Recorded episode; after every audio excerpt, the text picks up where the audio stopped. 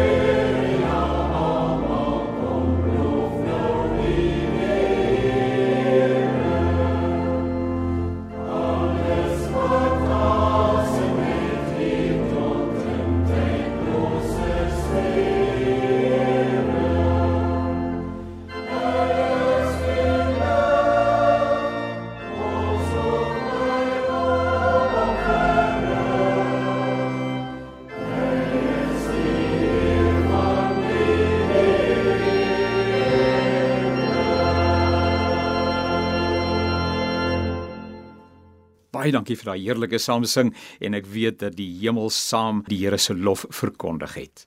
Ons gaan 'n bietjie gesels met mekaar by hierdie geleentheid oor twee baie bekende woorde, 'n bekende frase en ek is seker jy gaan dit onmiddellik erken. En dit is die frase carpe diem.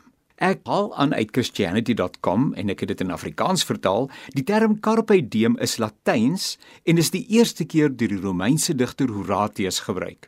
En dit word gevind in 'n reeks gedigte getiteld Odes wat in 23 voor Christus gepubliseer is, nê? Nee, in ons dag die gesegde het sommer nou die dag ontstaan, 23 voor Christus. Carpe diem is egter 'n verkorte weergawe van 'n langer sin in sy gedig. En die oorspronklike sin is carpe diem quam minimum credula postero. Nou ja, dit nou vir Latyn nê en my uitspraak van die Latynse teks. Maar dit vertaal letterlik met pluk die dag, vertrou so min as moontlik op die volgende een. En ek vermoed jy's met my saamstem dat die bedoeling sekerlik is om die beste gebruik te maak van elke geleentheid, dit letterlik aan te gryp omdat die lewe kort is en die wêreld dit baie nodig het. Die term carpe diem vind ons nie in die Bybel nie, Maar die teks wat daarmee aan verband hou, vind ons in die besonder in Efesiërs 5 vers 15 tot 16. Luister bietjie saam met my en ek lees vir jou die boodskap vertaling. Wees baie versigtig hoe jy leef. Ai, ek hou van die boodskap. Hy praat in Afrikaans so 'n mooi treffende wyse, nê? Wees baie versigtig hoe jy leef. Leef soos mense wat weet wat God van 'n sinvolle lewe verwag en nie soos mense wat niks daarvan weet nie. En dan hierdie stukkie, moenie jou tyd mors nie. Hæ? Ek bedoel, dit is so reguit as wat jy dit kan kry. Moenie jou tyd mors nie. Maak die beste gebruik van elke geleentheid wat jy kry, want ons leef in moeilike en slegte tye. Nou ja, dis natuurlik interessant dat Paulus wat hierdie woorde geskryf het, na sy eie tyd verwys as moeilike en slegte tye en dit het nie verander dwars deur al die eeue nie. Hierdie teks is nog net so relevant vir ons eie konteks as wat dit toentertyd was. In Psalm 90 vers 12 lees ons: Leer ons om ons dae te tel sodat ons 'n hart van wysheid kan verkry. Met ander woorde, leer ons om die kortstondigheid van die lewe te besef sodat ons kan onderskei waarop dit regtig neerkom en kan groei in wysheid. Dis nou my vertaling van daardie versie. En dit word pragtig verwoord in Efesiërs 1 vers 9 wat daar staan: Ek bid ook dat julle liefde al hoe meer sal toeneem in begrip en fyn aanvoeling, sodat julle die dinge sal kan onderskei waarop dit werklik aankom. Dan sal julle op die dag wanneer Christus kom onberispelik en sonder blaam wees en deur Jesus Christus sal julle geheel en al in die regte verhouding met God wees tot sy lof en tot sy eer. Dis dis duidelik 'n Bybelse beginsel dat ons die geleenthede wat God op ons pad bring en elke dag is 'n geleentheid. Ons sê nou nou ietsie daaroor dat ons dit sal aangryp en dat ons sal doen wat die Here van ons verwag. Dit is baie belangrik om daarop te let dat die Bybel 'n klem plaas op vandag. O, oh, daar's so baie van ons wat sê môre en oormôre en ek gaan nou nou 'n opmerking maak daaroor, maar luister bietjie Hebreërs 3 vers 15 weer eens die boodskap vertaling.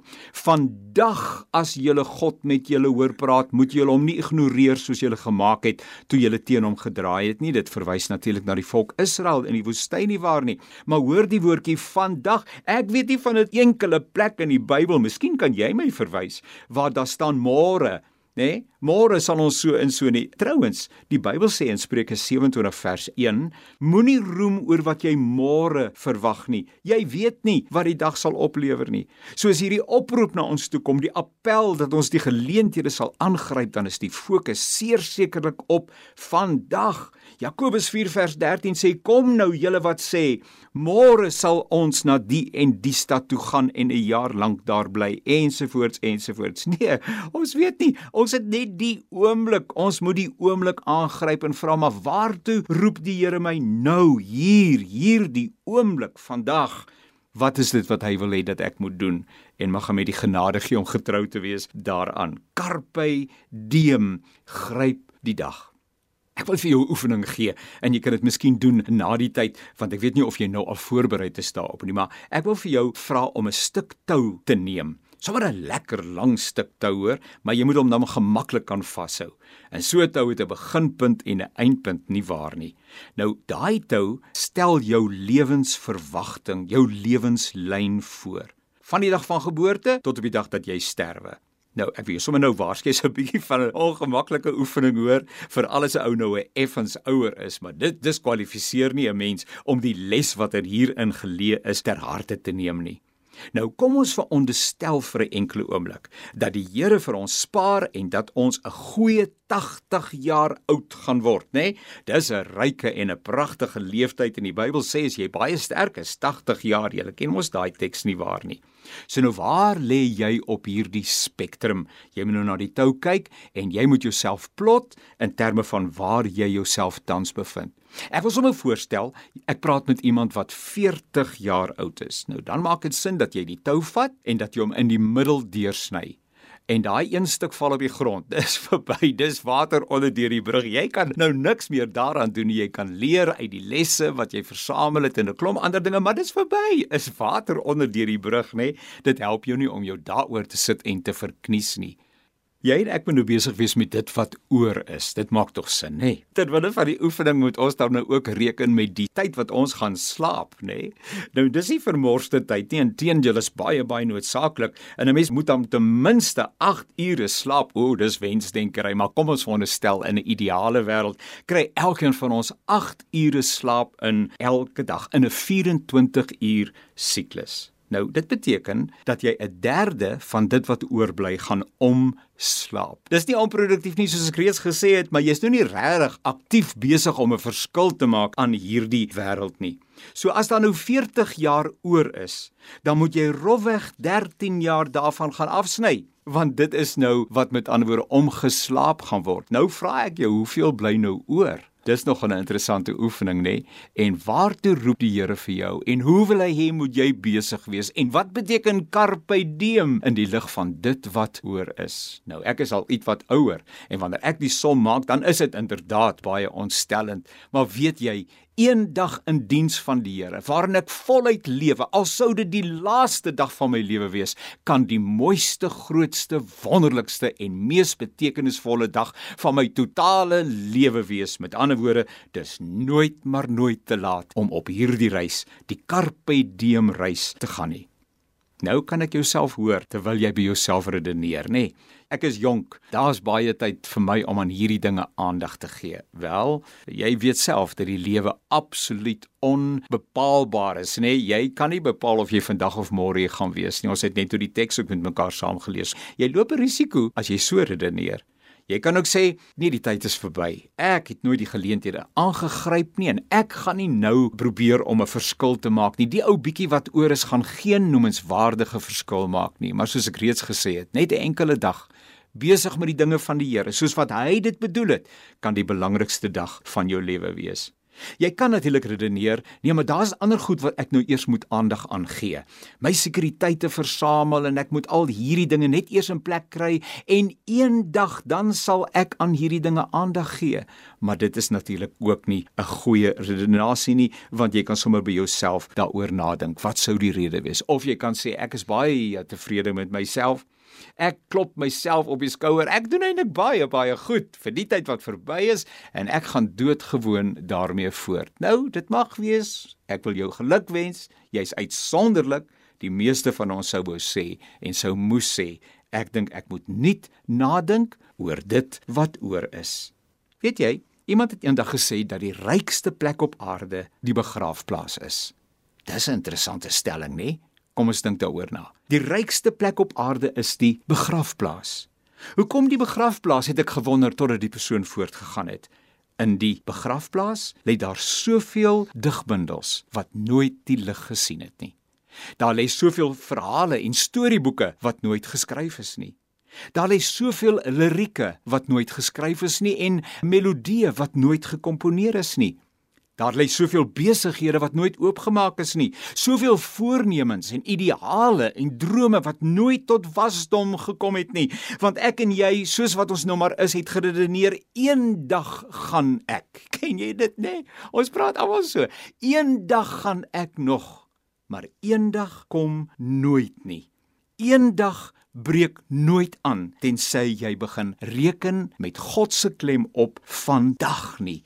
Vandag gaan ek die verskil maak en die verskil wees waartoe die Here vir my roep. Ek herinner jou graag aan die onsse Vader gebed. Ons Vader wat in die hemel is, laat U naam geheilig word. Laat U koninkryk kom. Daar is al klare aanduiding van wat God se plan vir ons lewens is, nê? Soos in die hemel, net so op die aarde. Kom ons dink vir 'n oombliekie daaroor na. Dit beteken soos dit in die hemel is, so moet dit op die aarde wees. Ons kan nie leef met hierdie pie in the sky verwagting eendag gaan ek hemel toe en intussen moet alles rondom my verlore gaan nie. Nee, nie ons roeping is om die hemel aarde toe te bring. Kan ek weer 'n keer sê, ons roeping is om die aarde in hemel te verander en ek en jy moet aktief daarmee besig wees en daartoe bydra.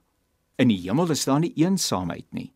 So vandag besoek jy iemand of jy maak moeite om kontak te maak. In die hemel is daar nie voedselnood nie. Wat beteken ek koop vandag 'n ekstra blikkie sardyne en ek deel dit uit aan iemand op die hoek van die straat en ek wens hom die beste toe. In die hemel is daar nie naaktheid nie. So ek haal 'n goeie kledingstuk uit my kas uit of 2 of 5 of dalk nog meer en 'n paar skoene en ek plaas dit in 'n plastiek sak en ek gee dit iewers waar daar nood is. In die hemel is daar nie hartseer nie, so ek hou my sakdoek by my sodat wanneer ek iemand raakloop wat huil, dat ek daardie persoon se trane kan afvee. Wat ek moet vir mense vertel waantoe ons op pad is, 'n dispensasie waarin daar nie eensaamheid, voedselnood, naaktheid, hartseer, misverstand, vooroordeel, agterdog, hartdraandheid en trots is nie. Hoe verklank ek met ander woorde daai hemelse beeld in roeping? Waarmee moet ek vandag besig wees? Sodat mense hier en nou bewus kan word van die toekoms wat ons as gelowiges het, naamlik dat ons op pad is hemel toe. Ek gaan hemel toe. Daarom verander ek my samelewingsverbande waarin ek optree, waarin ek myself bevind, verander ek stelselmatig deur die krag van die Heilige Gees op my eie nederige wyse, maar pligsgetrou doen ek my deel sodat aarde in hemel kan verander. Vandag as jy my stem hoor, sê die Bybel. Moenie op die toekoms reken nie, raak vandag daarmee besig. Ek luister na 'n man op die radio. Dis eintlik 'n advertensie. Daar's dan vir jou advertensies wat jou daarom kan motiveer hoor en wat met jou hart praat. So hoor ek hierdie advertensie en ek kan nie onthou vir watter produk dit was nie want dit het sommer dadelik by my verbygegaan. My gedagtes het onmiddellik aan die gang gekom. Die sekondes tik af.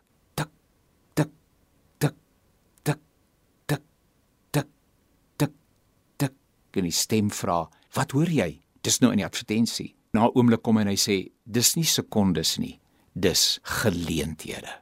Ek was net oorweldig. Wat 'n fenominale stuk openbaring. Hierdie sekondes wat verbytik is inderdaad geleenthede wat God gee waarin ek moet bid vir 'n gees van onderskeiding en in lyn met die gawes en die talente en die vermoë en die geleenthede en die kapasiteit wat hy vir my gee en die konteks waarbinne ek moet beweeg en waarbinne ek beweeg moet uitdrukking gee aan my roeping om te carpe diem om die geleenthede aan te gryp en nie 'n geleentheid te laat verbygaan as dit hoegenaamd binne my vermoë is om 'n verskil te maak nie.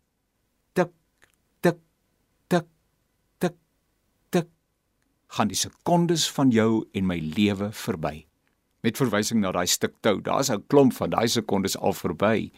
Maar die wat oor is, wat maak ek en jy daarmee in die toekoms?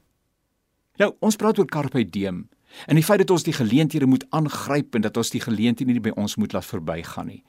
O, ek dink daar is so baie baie mense, selfs kerkmense wat nog nooit regtig ontdek het wat is dit waartoe God my roep nie. Waartoe bring en waartoe lei hierdie gawe kombinasie? Wat elkeen van ons het gawes. Daar's nie 'n enkele mens wat kan sê, maar ek het nie gawes en talente en vermoëns waarmee ek 'n verskil kan maak in hierdie wêreld nie. So wat sou die Here wou hê moet ek doen met hierdie wonderlike gawes wat hy vir my gegee het? Nou kan dit wees dat jy sê, maar ek het hierdie gawes gebruik en dit het tot niks gekom nie. O, ek hoor hierdie wonderlike verhaal. Dit het my so aangespreek. 'n Baie bekende en 'n baie geslaagde skrywer bied 'n seminaar aan in 'n bepaalde konteks. Mense kom om na die seminaar te luister en dit is 'n skrander voordrag oor al die kwaliteite wat mense moet hê ten einde suksesvolle skrywers te wees en wat nogal daarmee verband hou. En toe alles verby is, toe is daar vraatyd. Een man staan op en hy sê: "Meneer, die skrywer, Ek en jy is omtrent ewe oud. Ons agtergronde is nogal baie dieselfde, is nogal opmerklik. En as ek so na jou luister en die temas waaroor jy skrywe, die goed wat in jou hart lewe, dan is dit weer eens interessant dat ek presies dieselfde dinge in my eie hart en gemoed voel. As ek nou die tydperk in ag neem waarin jy besig is om te skryf en waarin jy 'n bekende skrywer geword het, dan is dit omtrent dieselfde tyd waarin ek besig is om te skryf, maar daar's een groot verskil meneer die skrywer. Jy's wêreldbekend. Jy's suksesvol. Jy word geag en gerespekteer. Jou boeke word oral versprei. Ek en is min of meer dieselfde tyd wat verbygegaan het, want ons het dieselfde tyd begin, het nog geen vordering gemaak nie. Ek is so moedeloos. En ek vra vir jou vandag raad, maar asseblief, meneer die skrywer, moet net nie vir my sê ek moet weer 'n keer probeer. Ek moenie moed opgee nie.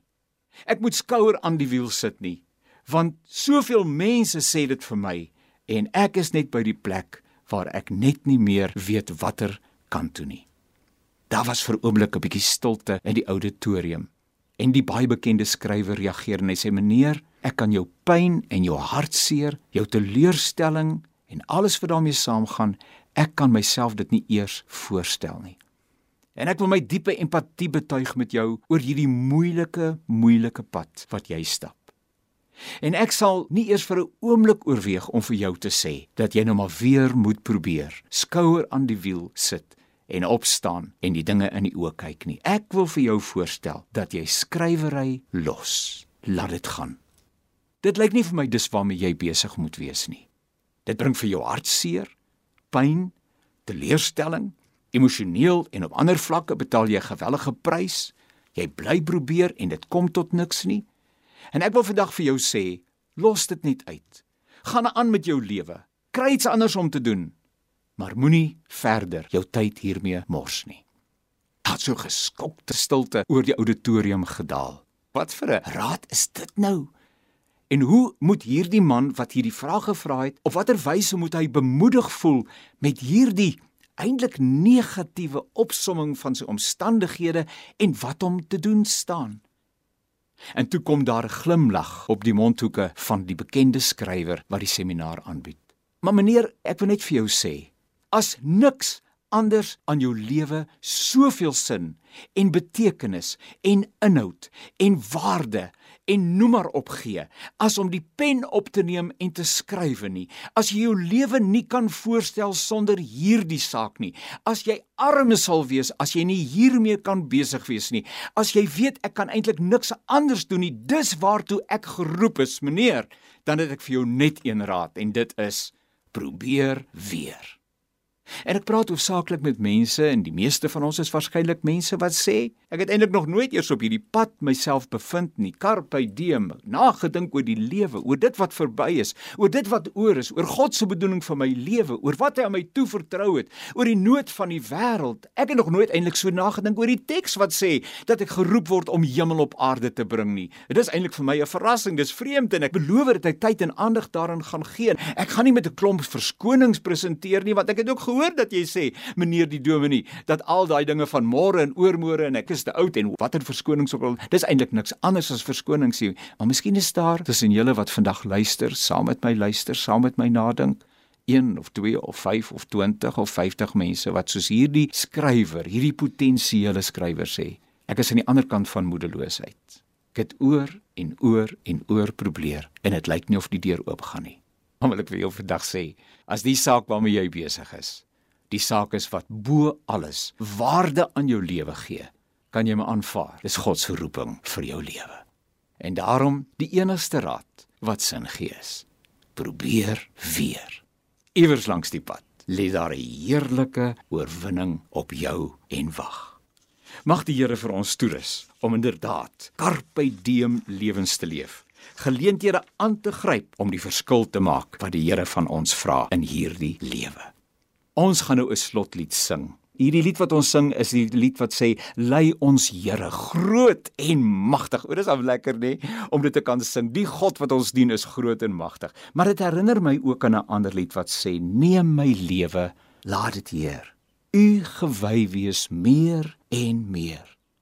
Laat my hart gedurig juig en van dankbaarheid getuig. Neem my hande en maak hulle sterk diensbaar in u goeie werk. Neem my stem en laat my sing aan u Here hulde bring. Neem my goud en silwer Heer, niks noem ek my eie meer. Maak my hart vir u tot troon deur u gees wat in my woon en dan weer neem my lewe. Laat dit Heer u gewy wees meer en meer. Kom ons sing, lei ons Here, groot en magtig om aan ons lewensdoel uitdrukking te gee 'n carpe diem lewe te leef en die geleenthede aan te gryp solank dit nog vandag is.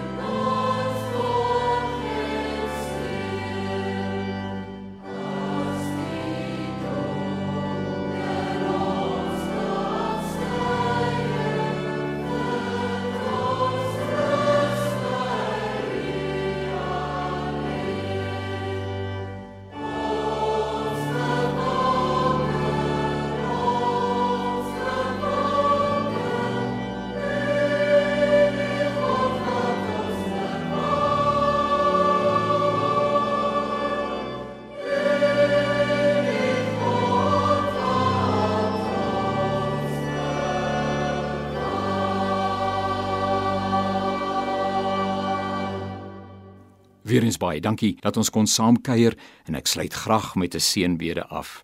En onthou 'n seënbede is 'n toesegging, nê? Dit kom van die Here af en is 'n stuk toerusting vir die pad vorentoe. Die Here is voor jou om die pad gelyk te maak. Die Here is langs jou om jou hand vas te hou. Die Here is agter jou om die bose te verslaan. En die hand van die Here is onder jou om jou te dra as jy swak is en jou op te help as jy val. Die Here is rondom jou om jou te beskerm. Die Here is bokant jou om jou te seën. Die Here is binne in jou want hy lei jou deur sy Heilige Gees. Die Here is vir jou. Die Here is vir jou. Die Here is vir jou want Jesus pleit vir jou. Die drie enige God is by jou van nou af tot in alle ewigheid. Amen.